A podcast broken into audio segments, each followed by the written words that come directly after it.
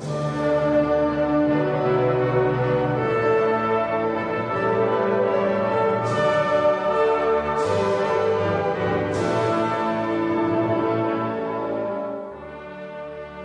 till bibelundervisningsprogrammet Vägen genom Bibeln med Kurt Westman. Och vi har nu hunnit till Lukas evangeliet. Slå gärna upp din bibel och följ med. Programmet är producerat av Norea Radio.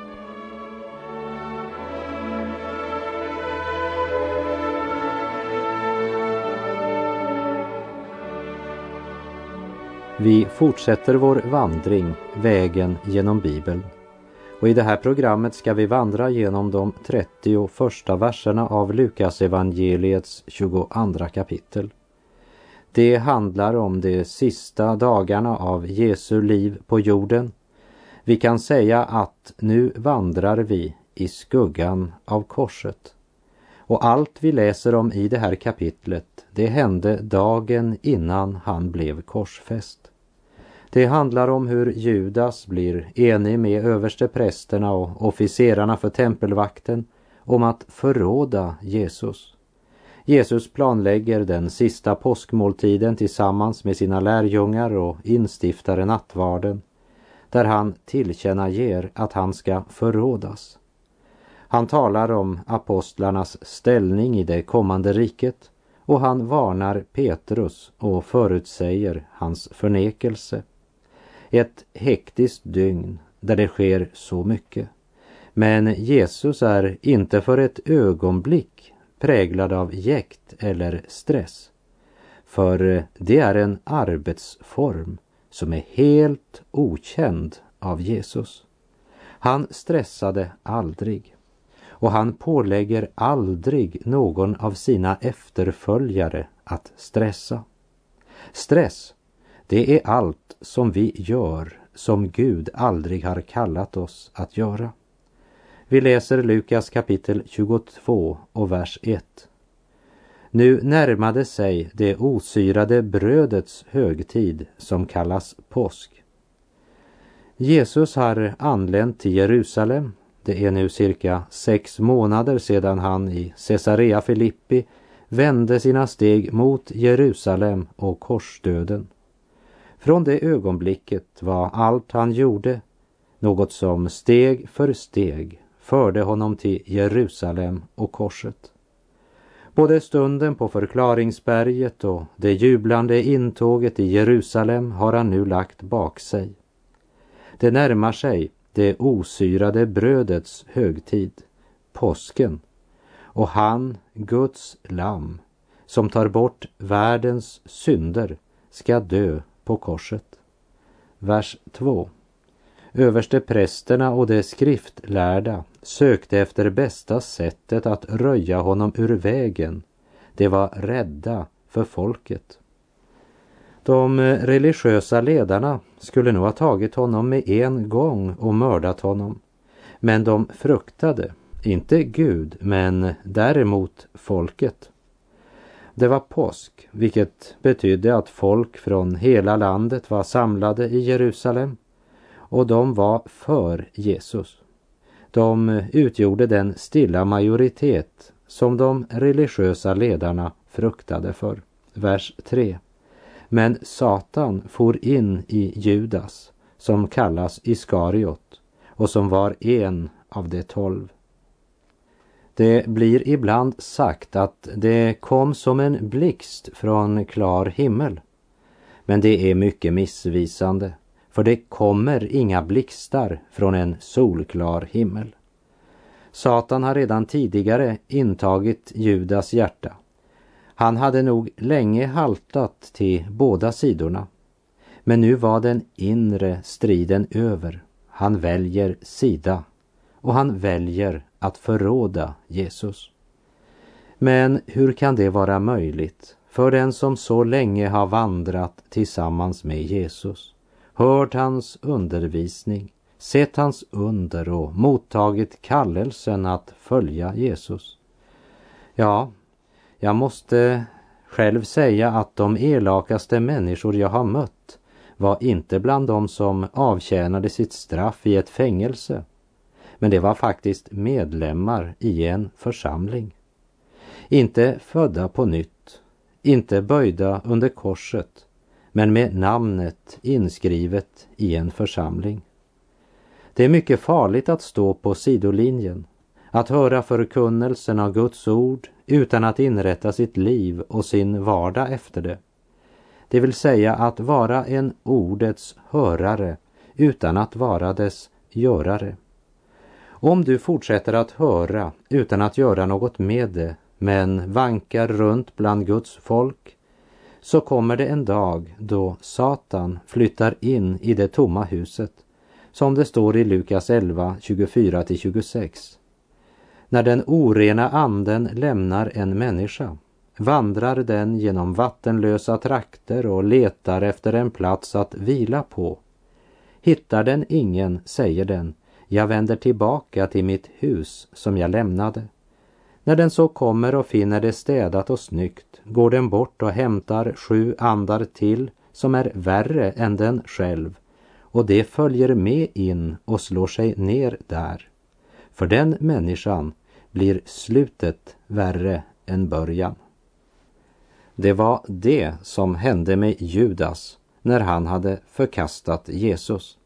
Och vi läser vers 4 och 5.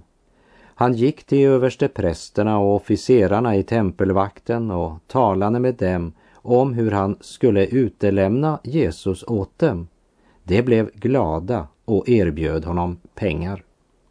Ja, fattigt är det folk vars religiösa ledare inte kan erbjuda något annat än jordiska värden som snart ska förgå. De religiösa ledarna hade länge undrat hur de skulle kunna röja Jesus ur vägen. Nu kommer en av hans egna män och erbjuder sig villig att sälja honom. Vers 6. Han gick med på deras anbud och sökte ett tillfälle att utelämna honom utan att folket var med. Förräderiet byggde på idén att vänta tills människomassorna lämnade Jerusalem. Vi väntar tills vi kan få honom för oss själva så att inte folket får veta vad vi har gjort. Tanken på att Gud vet det faller dem aldrig in. De tänker inte på Gud. De tänker på templet, den religiösa institutionen och sin egen plats i det religiösa hierarkiet. Därför bestämde de religiösa ledarna att det inte skulle ske under högtiden, som det står i Markus 14. Men Gud hade bestämt just under högtiden. Stunden hade kommit då Guds lam måste dö för världens synd. Och människan kan inte förhindra Guds frälsningsplan. Människan spår, men det är Gud som rår. Och Jesus följer planen hans fader givit honom och han förbereder nu påskhögtiden. Vi läser verserna 7 till och med 13. Så kom det osyrade brödets dag, då påsklammen skulle slaktas och Jesus sände iväg Petrus och Johannes och sade Gå och gör i ordning påskmåltiden åt oss. De frågade var de skulle göra det. Han svarade när ni kommer in i staden möter ni en man som bär på en vattenkruka. Följ efter honom till det hus som han går in i och säg till den som äger huset. Mästaren frågar var salen är där han kan äta påskmåltiden med sina lärjungar. Då visar han er ett stort rum i övervåningen som står färdigt.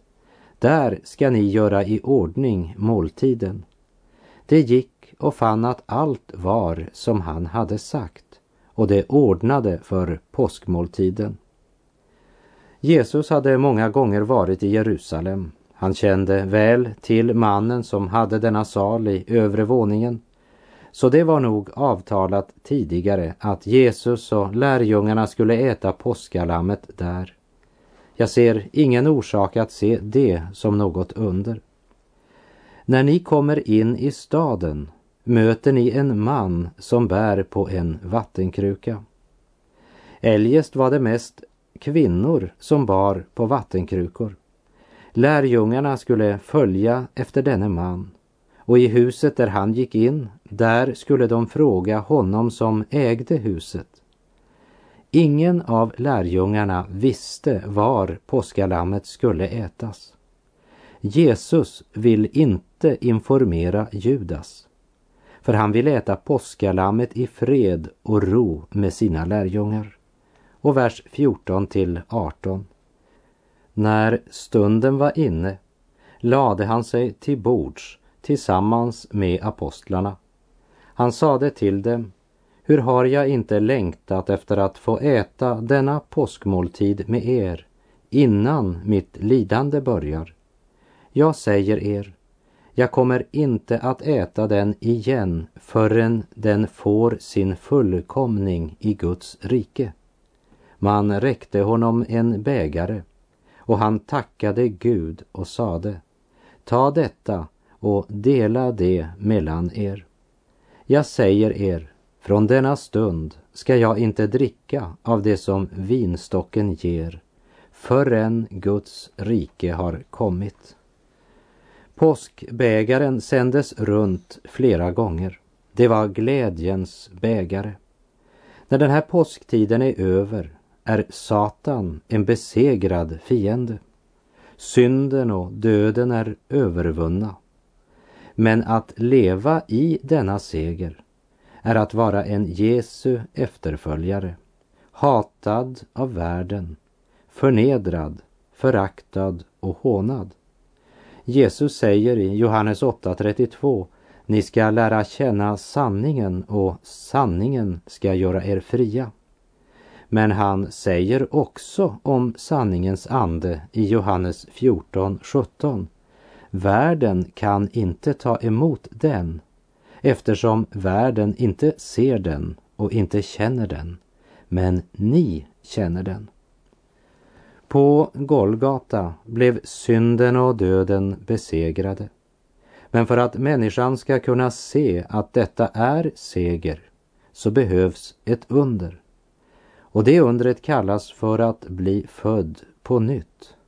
Född från himlen, smörjd av Guds helige ande. Glädjens bägare, för Kristus har i allt uppfyllt lagens krav. Glädjens bägare, för lammet är grunden för ett nytt förbund. Och vers 19 och 20. Sedan tog han ett bröd, tackade Gud, bröt det och gav det åt dem och sade Detta är min kropp som blir offrad för er, gör detta till minne om mig. Efter måltiden tog han på samma sätt bägaren och sade Denna bägaren är det nya förbundet genom mitt blod som blir utgjutet för er. Herren tog två av världens sköraste element som symboler för sin kropp och sitt blod, bröd och vin, som båda åldras på kort tid. När han reste ett minnesmärke så var det inte gjort av koppar eller marmor, men av två element som förgår. Och han förkunnar att brödet pekar på hans liv och vinet talar om hans blod. Brödet talar om hans kropp som bryts ner. Intet ben ska sönderslås på honom, men en bruten kropp, därför att den blir gjord till synd för oss. Som det står i Andra Korinthierbrevet 5, vers 21. Han som inte visste av någon synd, honom gjorde Gud till ett med synden för vår skull, för att vi genom honom skulle bli till ett med Guds rättfärdighet. Hans kropp var verkligen bruten när den togs ner från korset. Jag tror att den såg närmast omänsklig ut. För Jesaja kapitel 52, vers 14 säger Som många häpnade över honom därför att hans utseende var vanställt mer än andra människors och hans gestalt oansenligare än andra människobarns. Och i Jesaja 53.2 han sköt upp som en ringa telning inför honom, som ett rotskott ur förtorkad jord. Han hade ingen gestalt eller fägring. När vi såg på honom kunde hans utseende ej behaga oss. I flera århundraden hade påskhögtiden pekat fram mot Messias som skulle komma och dö. Det var det påskalammen pekade fram emot. Nu står Jesus i skuggan av korset och detta är den sista påsken. Påskhögtiden har nu blivit fullbordad. Vi samlas runt Herrens måltid och ransakar våra hjärtan. Denna måltid sker till minne om Jesus. Vi ser tillbaka och begrundar vad han gjorde för oss på korset. Och vi blickar framåt mot hans återkomst. Genom den här minnesmåltiden med bröd och vin förkunnar vi hans död tills han kommer. Första Korinterbrevet 11.26 säger Var gång ni dricker av den, gör det till minne av mig. Var gång ni äter det brödet och dricker den bägaren förkunnar ni alltså Herrens död till dess han kommer.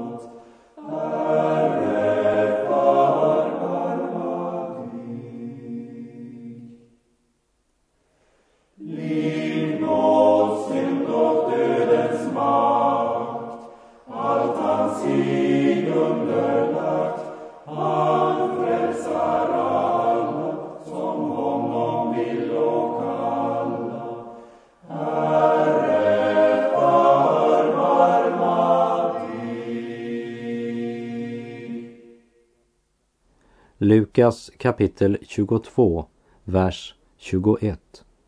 Dock den som förråder mig har sin hand här på bordet tillsammans med mig.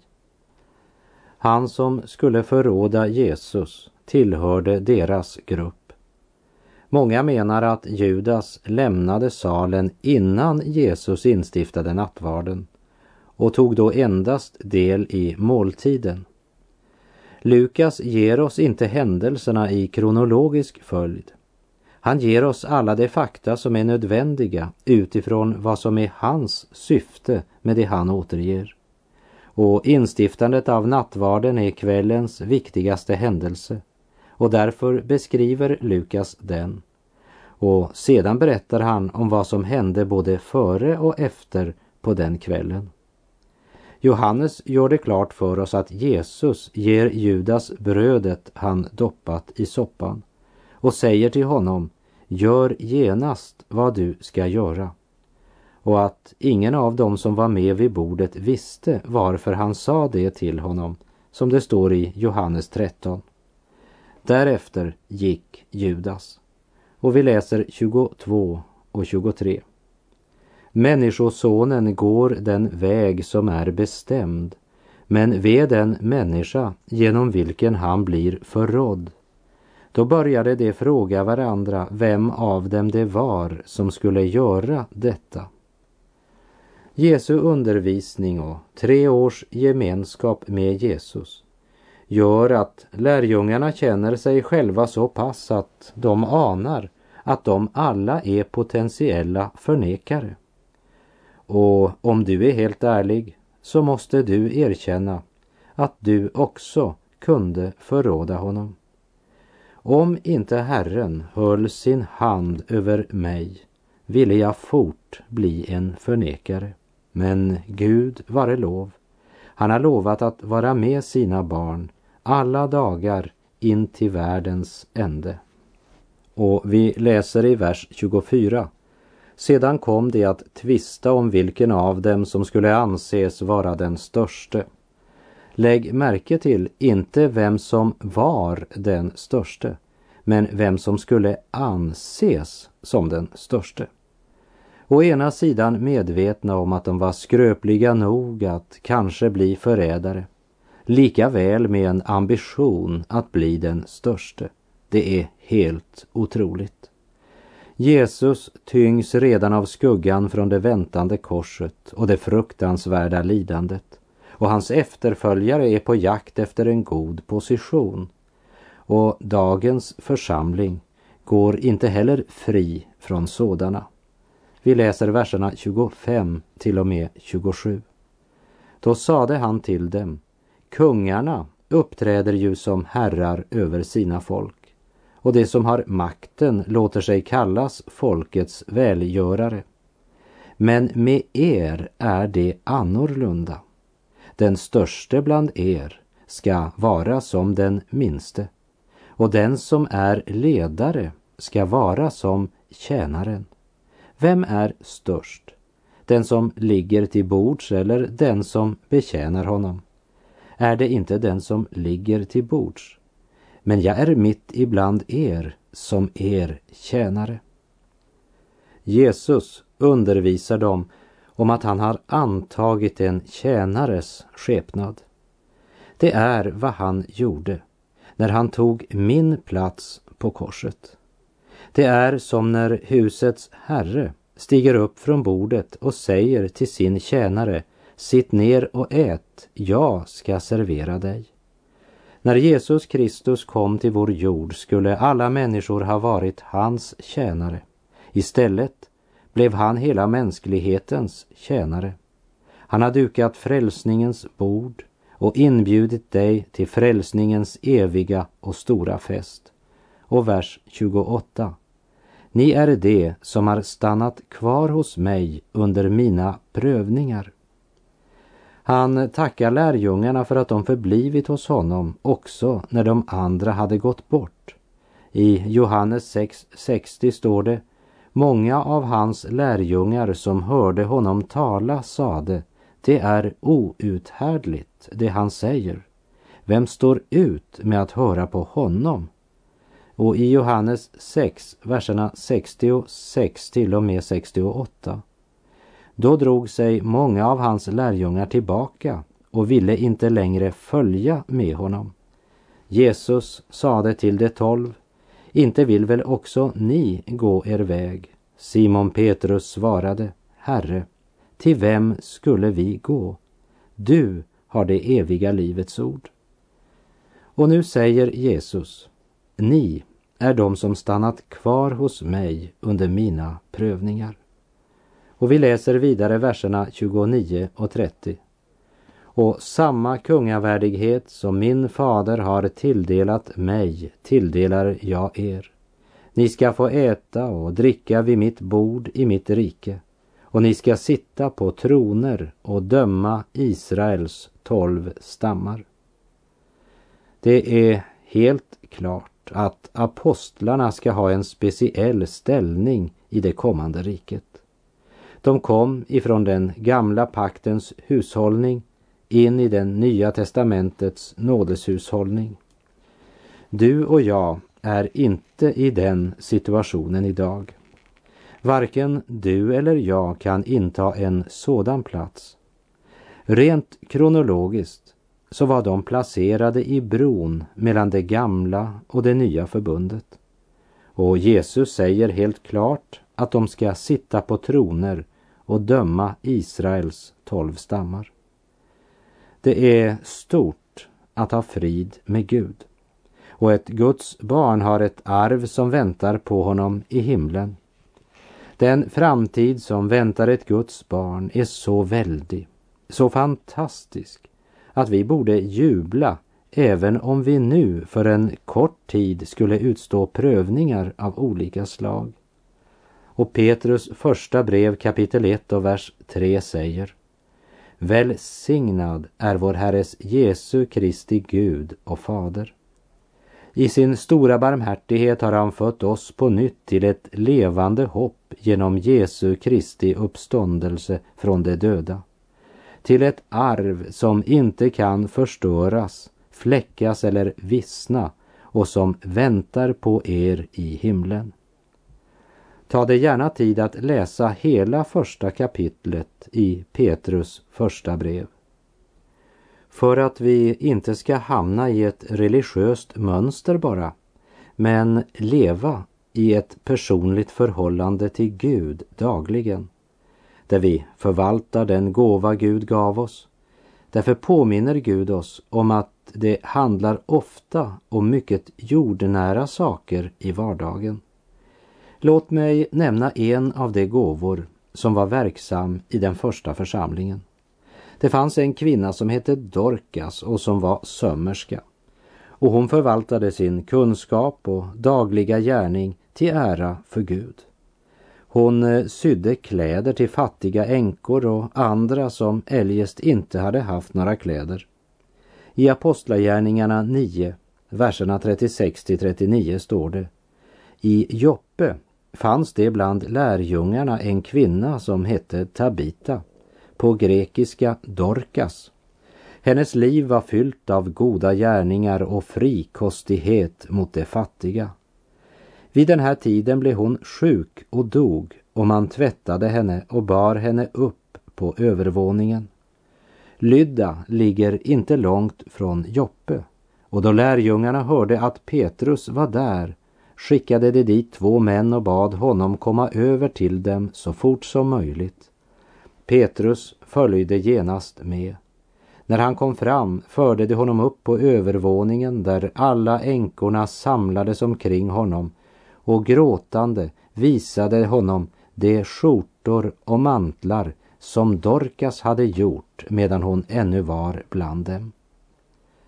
Att vara en Jesu efterföljare betyder att allt det vi är och har av tid, kraft och egendom, kunskap och anlag, det tillhör Gud.